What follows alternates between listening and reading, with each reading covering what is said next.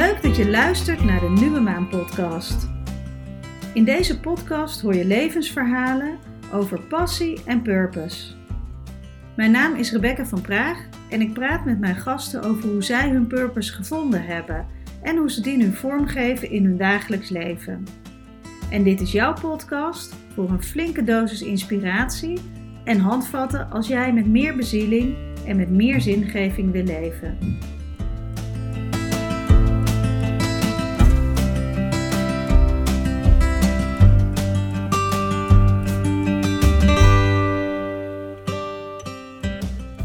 In deze aflevering praat ik met Rut Nahomori.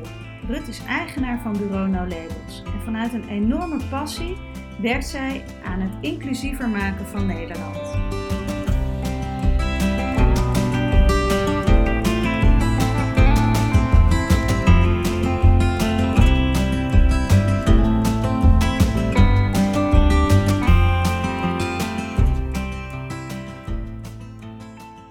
Hey, maar super gaaf dat jij uh, met mij dit uh, gesprek wil uh, hebben en deze podcast wil opnemen. Ja, heel leuk dat je me daarvoor gevraagd hebt. Ja, zou jij iets willen vertellen over wie je bent en wat je doet? Jeetje, ja, wie ik ben. Uh, Rut Mori. Ik ben oprichter van No Labels, trainings- en expertisebureau gericht op het bevorderen van inclusie en daarmee diversiteit binnen teams en organisaties. Ik heb uh, internationaal HR-management gestudeerd in Groningen. Ik ben geboren getogen in Drenthe. Uh, toen in Groningen gaan studeren. als onderdeel van die studie internationale route heb ik een tijd in Amerika. Ik heb daar stage gelopen en na mijn studie ook nog gewoond. Toen ik terugkwam naar Nederland heb ik tien jaar lang in de werving- en selectiebranche gewerkt. Als recruiter, incident. En um, toen ben ik me daar al in die rol gaan verdiepen in diversiteit. En ik ben toen in 2012 voor mezelf begonnen. In 2016 heb ik No Labels opgericht. Dus dat is mijn professionele ik.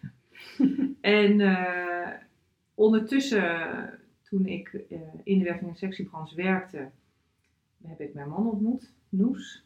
En wij zijn inmiddels, even denken, 17, 18 jaar samen. 15, 16 jaar, 15 jaar getrouwd dit jaar.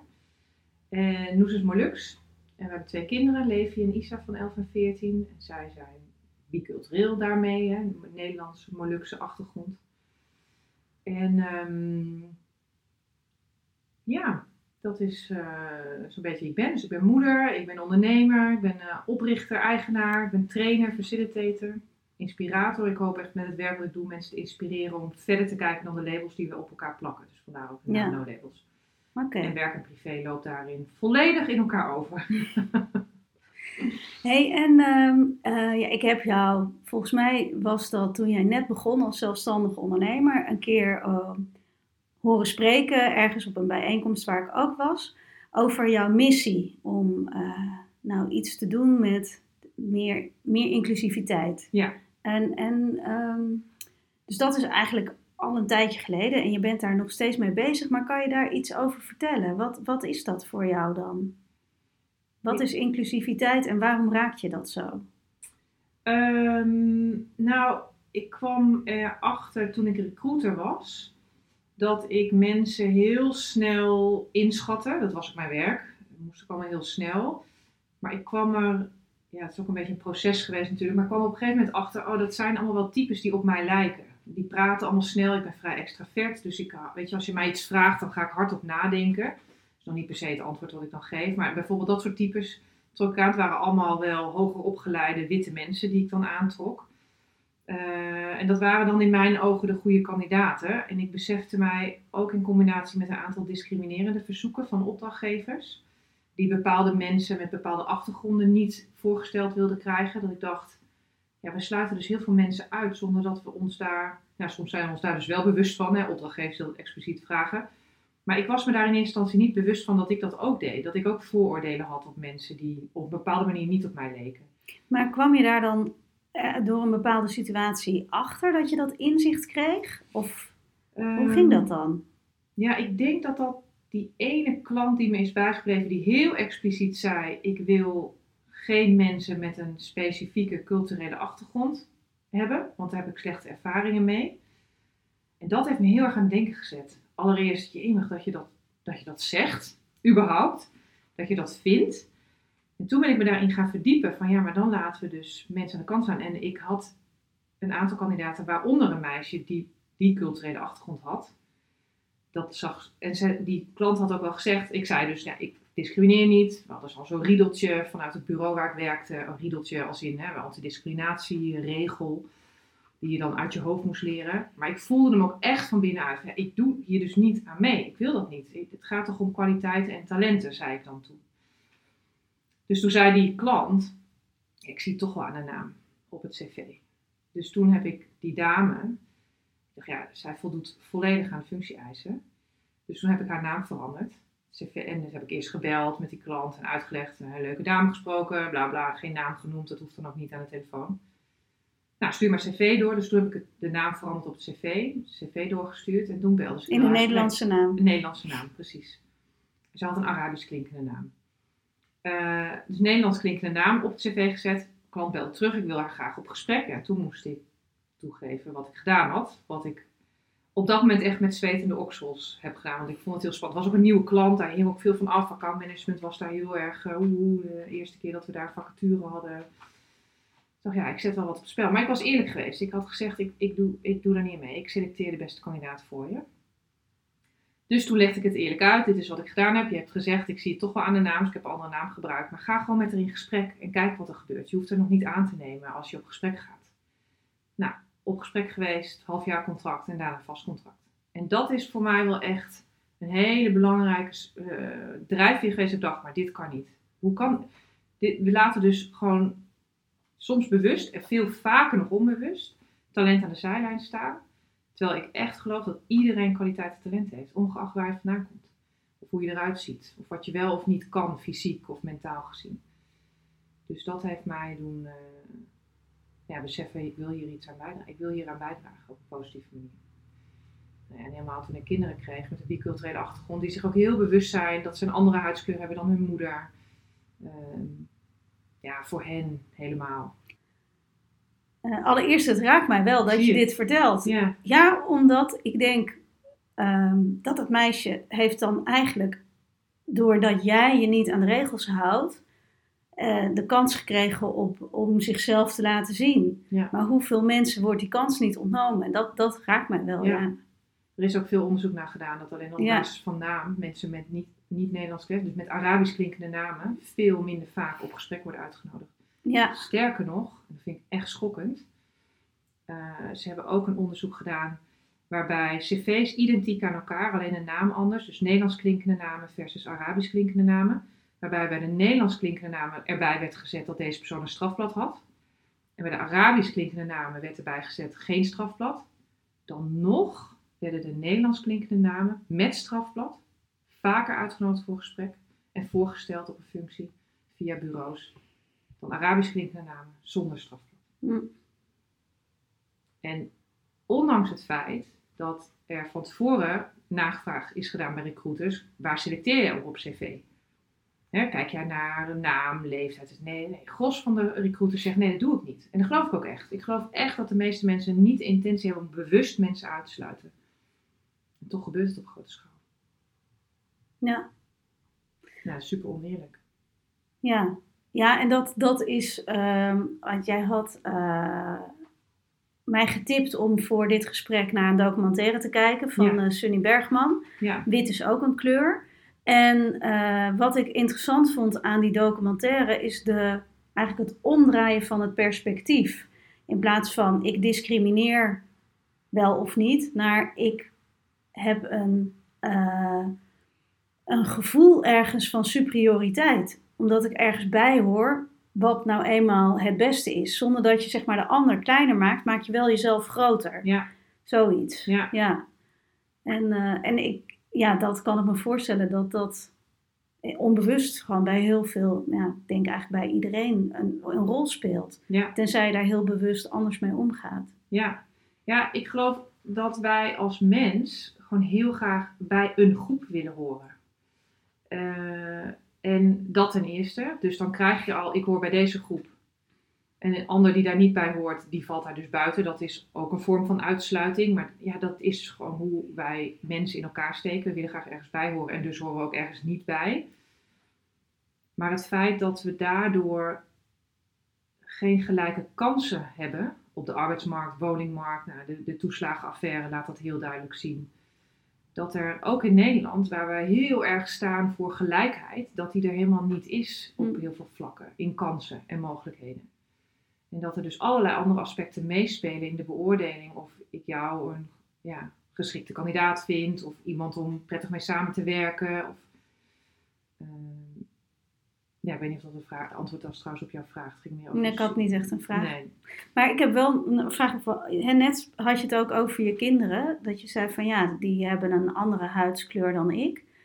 Ehm, hoe merk je dan dat ze daarmee bezig zijn of dat dat speelt? Eh, nou, letterlijk dat mijn dochter laat zei: Mama, jij bent wit en wij zijn van kleur. Wij zijn donker, wij zijn bruin. Een beetje zoeken naar welke woorden gebruiken we daar nu eigenlijk voor. Ehm, dus jij zult nooit weten hoe het is om een kleurtje te hebben. En, ehm, en mijn dochter is ook heel bewust, die heeft eh, van racisme bijvoorbeeld, daar heeft ze ook een, eh, studie over gedaan op school. Ze heeft eh, gedemonstreerd bij Black Lives Matter. Dus zij is daar heel bewust mee bezig. Mijn zoon is daar iets minder bewust mee bezig.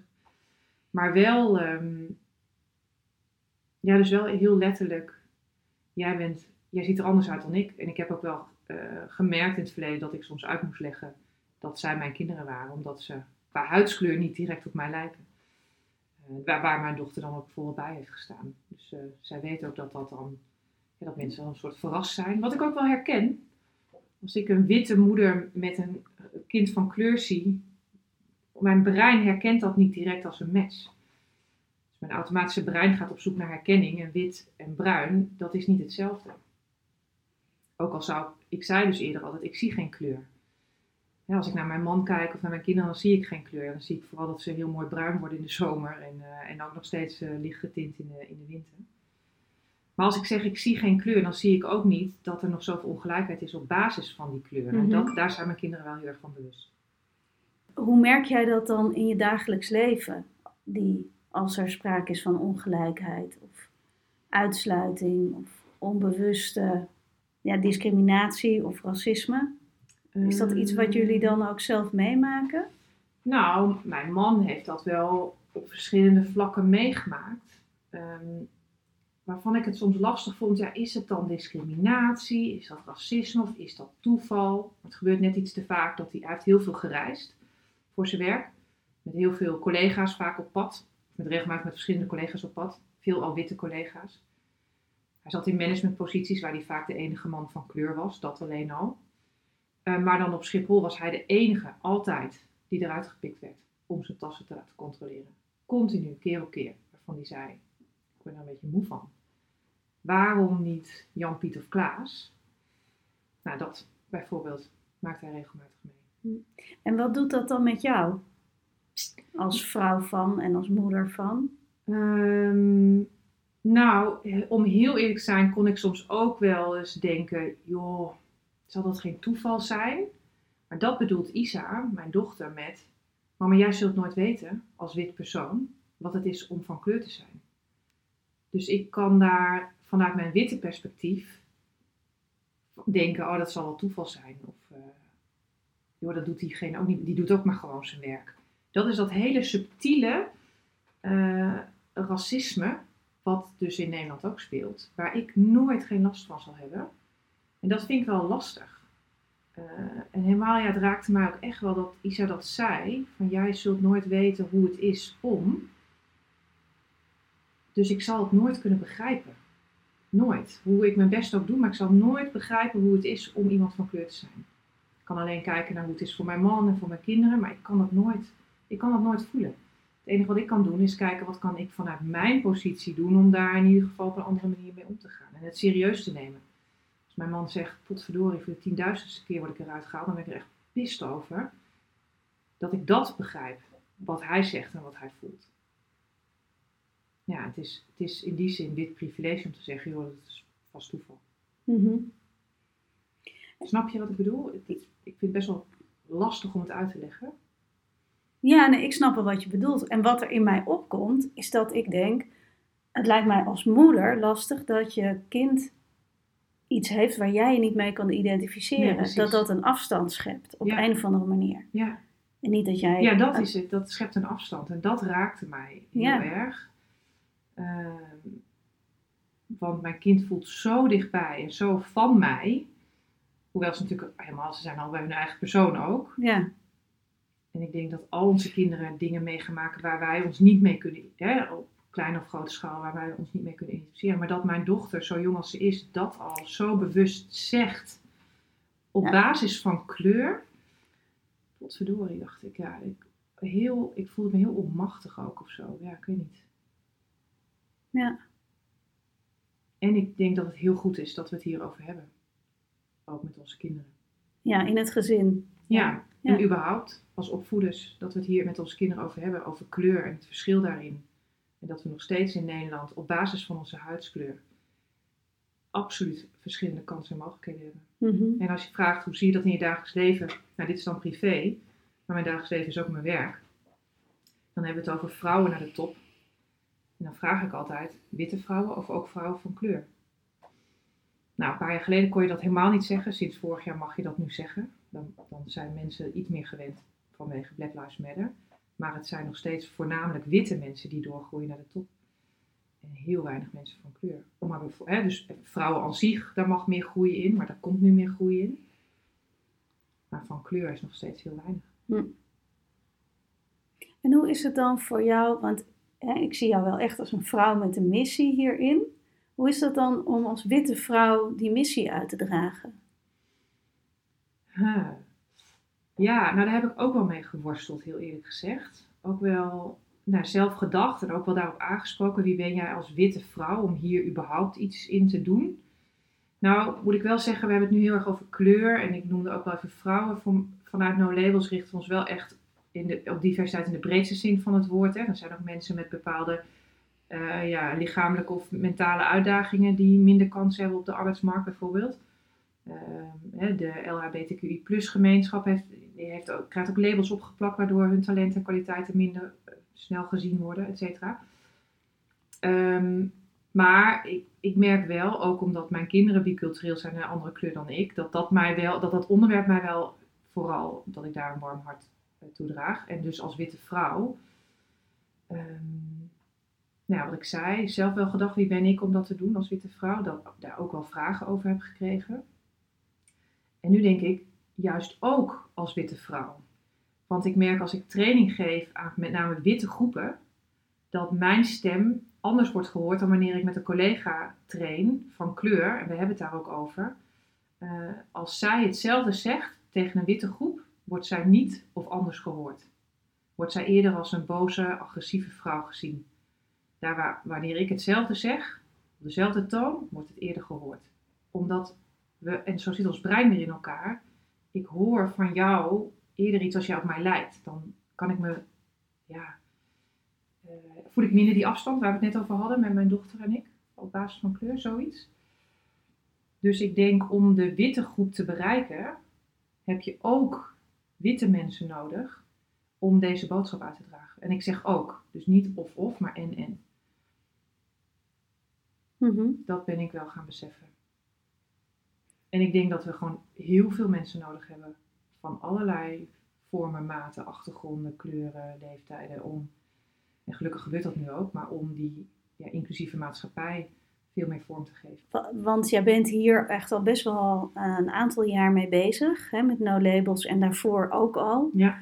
Ehm, zie je dat daar nu dingen in zijn veranderd de afgelopen jaren? Onwijs. Ja, ik, ik zit even te denken, wanneer ben ik... Ja, ik ben al meer dan tien jaar op dit thema bezig, vanuit mijn werk. Maar ik heb heel bewust de internationale HR-managementroute gekozen toen, omdat toen nog, was ik eh, ietsje jonger dan nu, de Europese grenzen open zouden gaan. Dus ik was eh, nou, bezig met al wat interessant, al die nationaliteiten. Maar dus tien jaar geleden echt begonnen met te verdiepen in diversiteit. En daar is een aantal jaar geleden het woord inclusie vanuit Amerika eh, hier naartoe overgevlogen. Nou, bijvoorbeeld, vijf, zes jaar geleden, ik weet nog bij Talent First, waar wij elkaar van kennen. Dat ik toen het woord inclusie ging gebruiken en dat ik wel van eh, een paar collega's daar hoorde, dat woord moet je niet gebruiken, want niemand snapt wat dat woord betekent. Nou, nu hoef je ook niet per se te begrijpen wat het woord betekent, maar je struikelt er wel over, want inclusie, alles, alles gaat over inclusie. Dus dat is bijvoorbeeld al veranderd. En twee jaar geleden hoef je het woord racisme niet te noemen in Nederland. Hè. Sunny Bergman, die documentaire is van een, paar jaar geleden al. Dit is van 2016 volgens mij. Oh ja, vijf jaar geleden alweer. Nou, net toen ik No Labels oprichtte. Uh, heel weinig mensen hadden die documentaire gezien. En wie hem had gezien, zei bijvoorbeeld alleen al zo wit, niet blank. En nu, en vooral na vorig jaar met de Black Lives Matter protesten ook in Nederland, mag je racisme in de mond noemen mag je het hebben over kleur en wit. En ehm, in plaats van blank. Ja, ik denk dat we als Nederland ook heel veel meer geleerd hebben. Nou ja, premier Rutte zei het ook. Hè? Ik ben maar eens gaan praten met wat mensen. En ik begrijp het nu wat beter. Uh, dus die zich ook in gaan verdiepen en terecht. Dus dat is echt veranderd. Het mag nu wel besproken worden, zeg maar. Nog steeds lastig. Als we het hebben over diversiteit in organisaties, hebben we het liever over gender dan over uh, kleur. Want het is ingewikkeld, het is gevoelig, er komen allerlei emoties bij kijken. Maar het wordt tijd dat we dat gesprek voeren. Dus dat is er echt veranderd, vind ik. Ja. En daarmee dus ook heel veel organisaties die het nu allemaal op hun prioriteitenlijst hebben staan. En daar kan je van alles van zeggen, waarom nu pas? Of is het window dressing? Of ik denk, ja, hoe, hoe dan ook, als je er maar mee bezig bent, als het gesprek maar gaande blijft, als we het er maar over hebben met elkaar, dan worden we steeds bewuster ervan. Hm ergens hebben we natuurlijk ook een schuld te dragen als, als witte Nederlander vanuit het slavernijverleden. Ja. Uh, en ik kan me voorstellen dat dat iets is dat heel veel mensen denken: ja, maar daar heb ik niks mee te maken, want ik ben 400 jaar later geboren. Maar is daar iets wat we bijvoorbeeld zouden kunnen leren van hoe daar, weet jij daar misschien iets van, hoe daar in Duitsland mee om wordt gegaan? Want daar is natuurlijk ook een, groot, ja, een grote schuld. Ja, wat ik daarvan weet, uh, is dat Duitsland dat echt erkend heeft. Dat daar in het verleden hele ernstige fouten zijn gemaakt. En Nederland heeft het weggestopt. We hebben het over de Gouden Eeuw, we hebben het over de VOC als onze helden. Uh, ik keek twee weken geleden de documentaire van het Rijksmuseum, die nu voor het eerst een uh, expositie opent, zodra we weer naar buiten mogen en naar het museum mogen, over slavernij.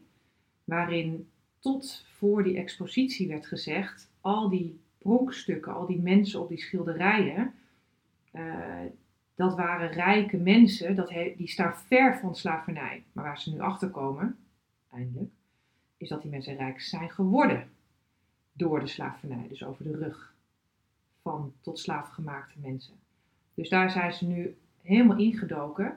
En zij hebben nu, na, volgens mij naast, naast 70, 80 stukken in het museum, naast de expositie hebben ze, dus voor naast 70, 80 stukken, hebben ze ook het verhaal van de slavernij ernaast. Dus welke link heeft dit schilderij of dit object met de slavernij?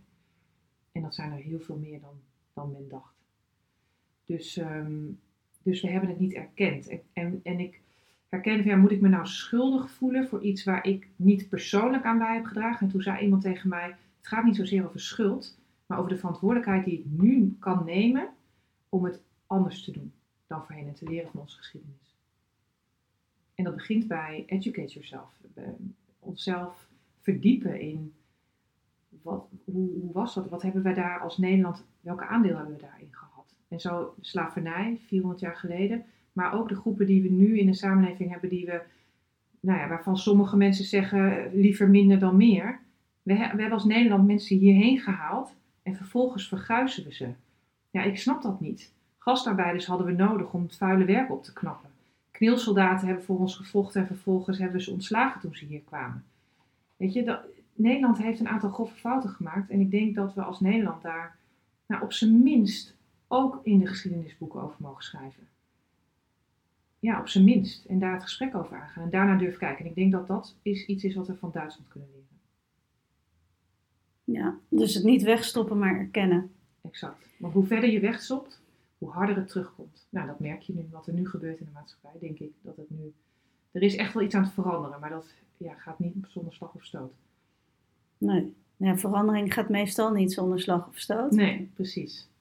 Hey, en en ehm, je noemde net al even dat je internationale HR-management hebt gestudeerd. Wat is dit nou, als je het nou hebt over purpose of levensmissie of drive, is dit nou iets wat je altijd al in je hebt gehad op een of andere manier?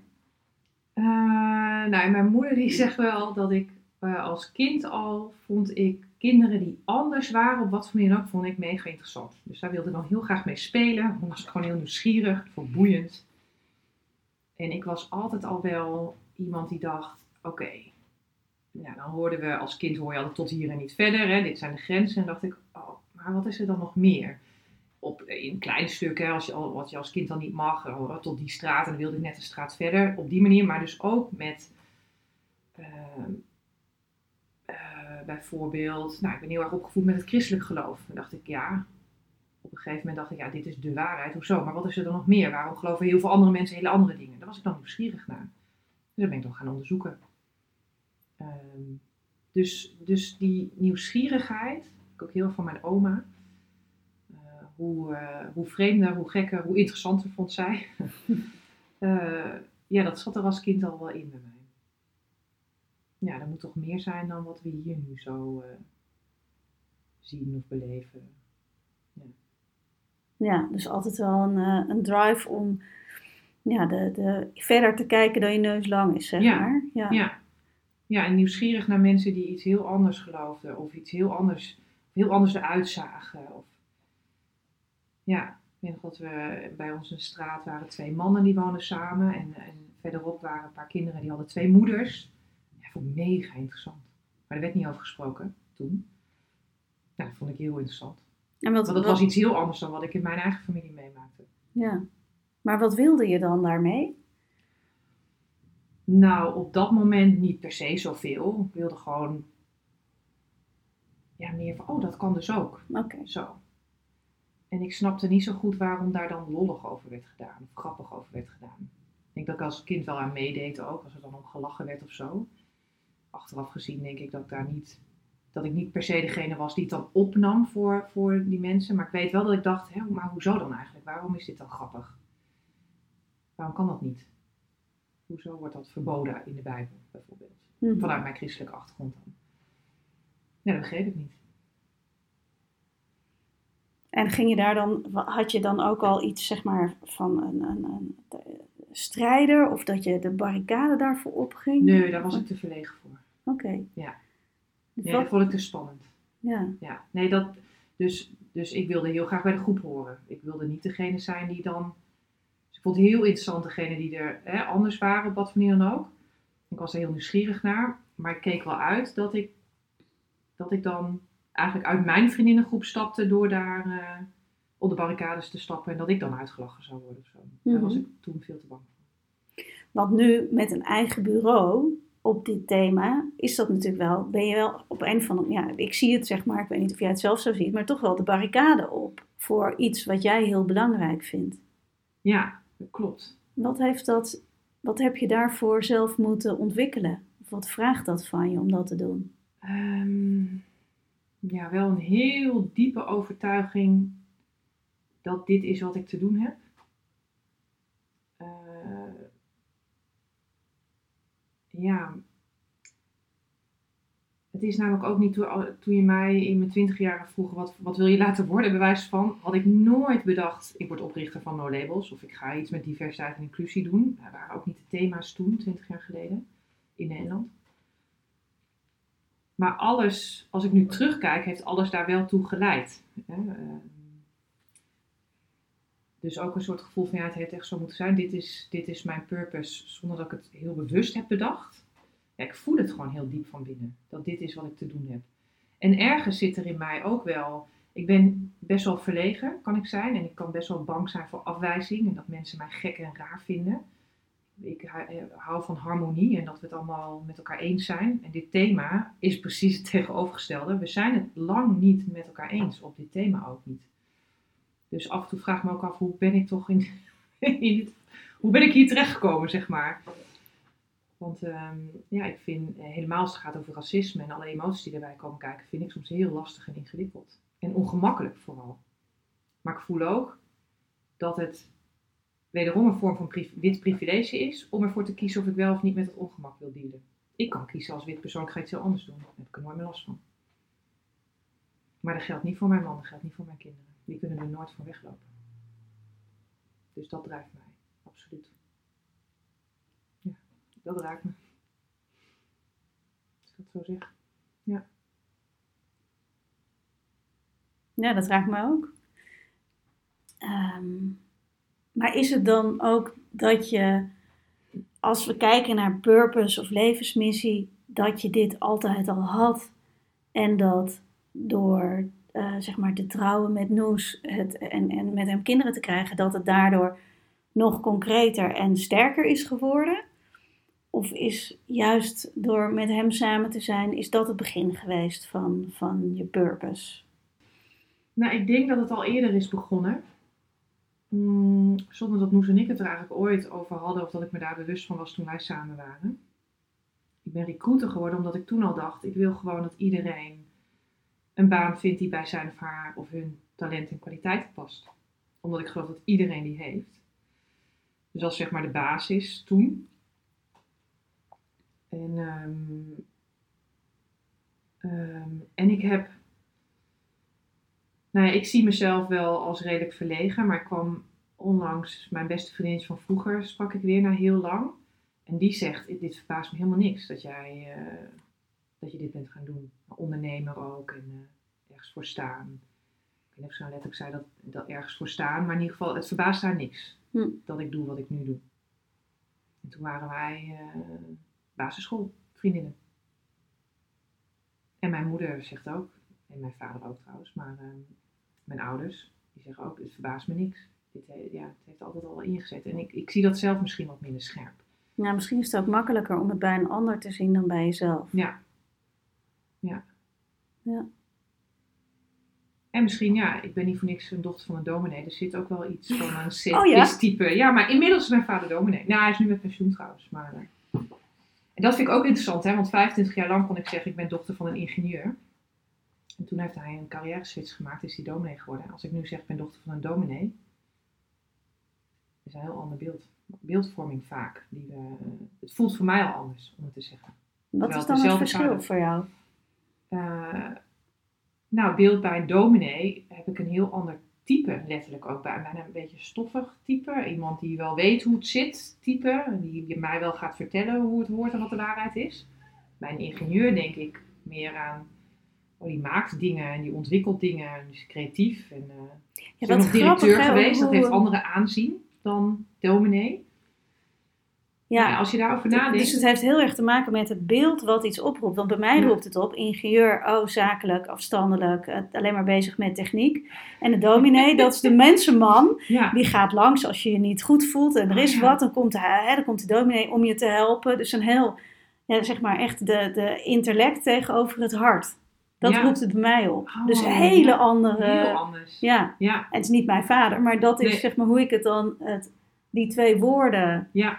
Oproepen. En ook dan heeft het dus twee hele verschillende associaties. En we hebben het over dezelfde man. Ja. Ja, dus dat ook, dat, dat is ook no labels. Ja. ja. ja. Kan ik dan de mensen achter het label directeur of ingenieur of dominee zien? toen ik jou zo die keer hè, in, wat was het, 2012 of zo, ja, hoort spreken, eh, ook een beetje jaloers dat jij zo'n zo'n echt zo'n missie had. Want dat had ik zelf helemaal niet. Dus ik was helemaal niet zo in contact met mijn uh, purpose. Wat zou jouw tip zijn aan mensen die wel zo'n missie voelen, of mhm. een, een, drive voelen om iets te doen, maar misschien ook nog te spannend vinden? Op een ander Hè, misschien dit thema of een ander thema, maar dat je voelt van ja, wie ben ik nou ja. om dat te mogen doen? Ja. Ja, er is eigenlijk maar één antwoord. Gewoon doen. Uh, en heel, wat, ik ook, wat ik ook heb moeten leren, uh, is, is daar naar durven luisteren. Naar dat, naar dat diepe, intuïtieve gevoel van ergens wist ik wat ik te doen wat mij te doen stond, maar hield mij dat soort gedachten tegen als, ja, maar wie ben ik nou om dat te doen? Of mensen wel heel raar vinden, of, of daar heb, ik nog niet lang genoeg voor gestudeerd, of nog te weinig ervaring in. Weet ik veel wat we onszelf allemaal wijs maken. Maar bijvoorbeeld die ervaring, ja, die ga je ook niet opdoen als je, er maar, als je maar steeds wacht tot het moment dat je wel ervaring hebt. dus ja. Nee, dat klopt. Ja. Eh, en ik geloof ja, heel sterk dat eh, ik geloof überhaupt in God.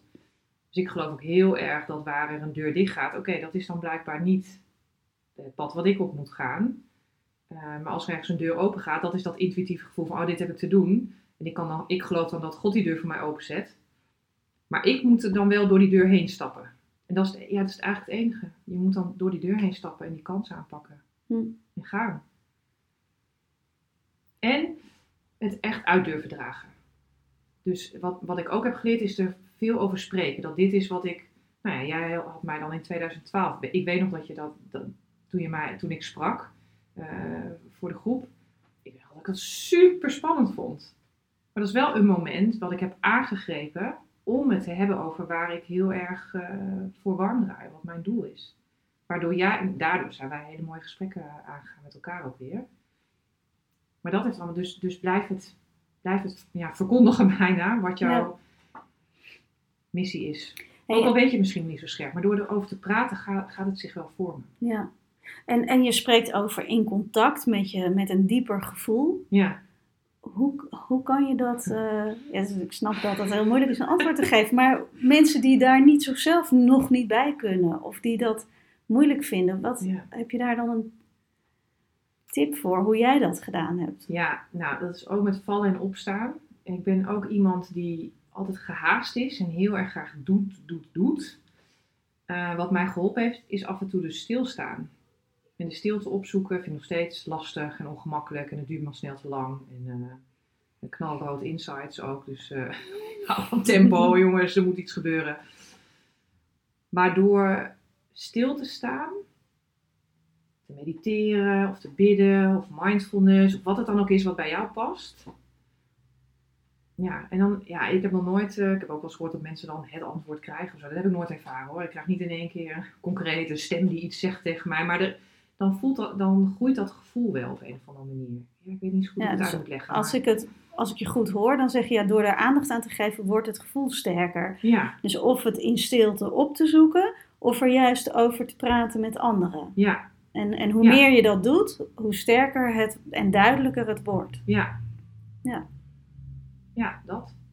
En daar dus ook op durven vertrouwen. Dus ik haal dan ook mijn oma af en toe in gedachten bij me, die heel sterk haar intuïtie volgde. Heel sterke intuïtie had überhaupt.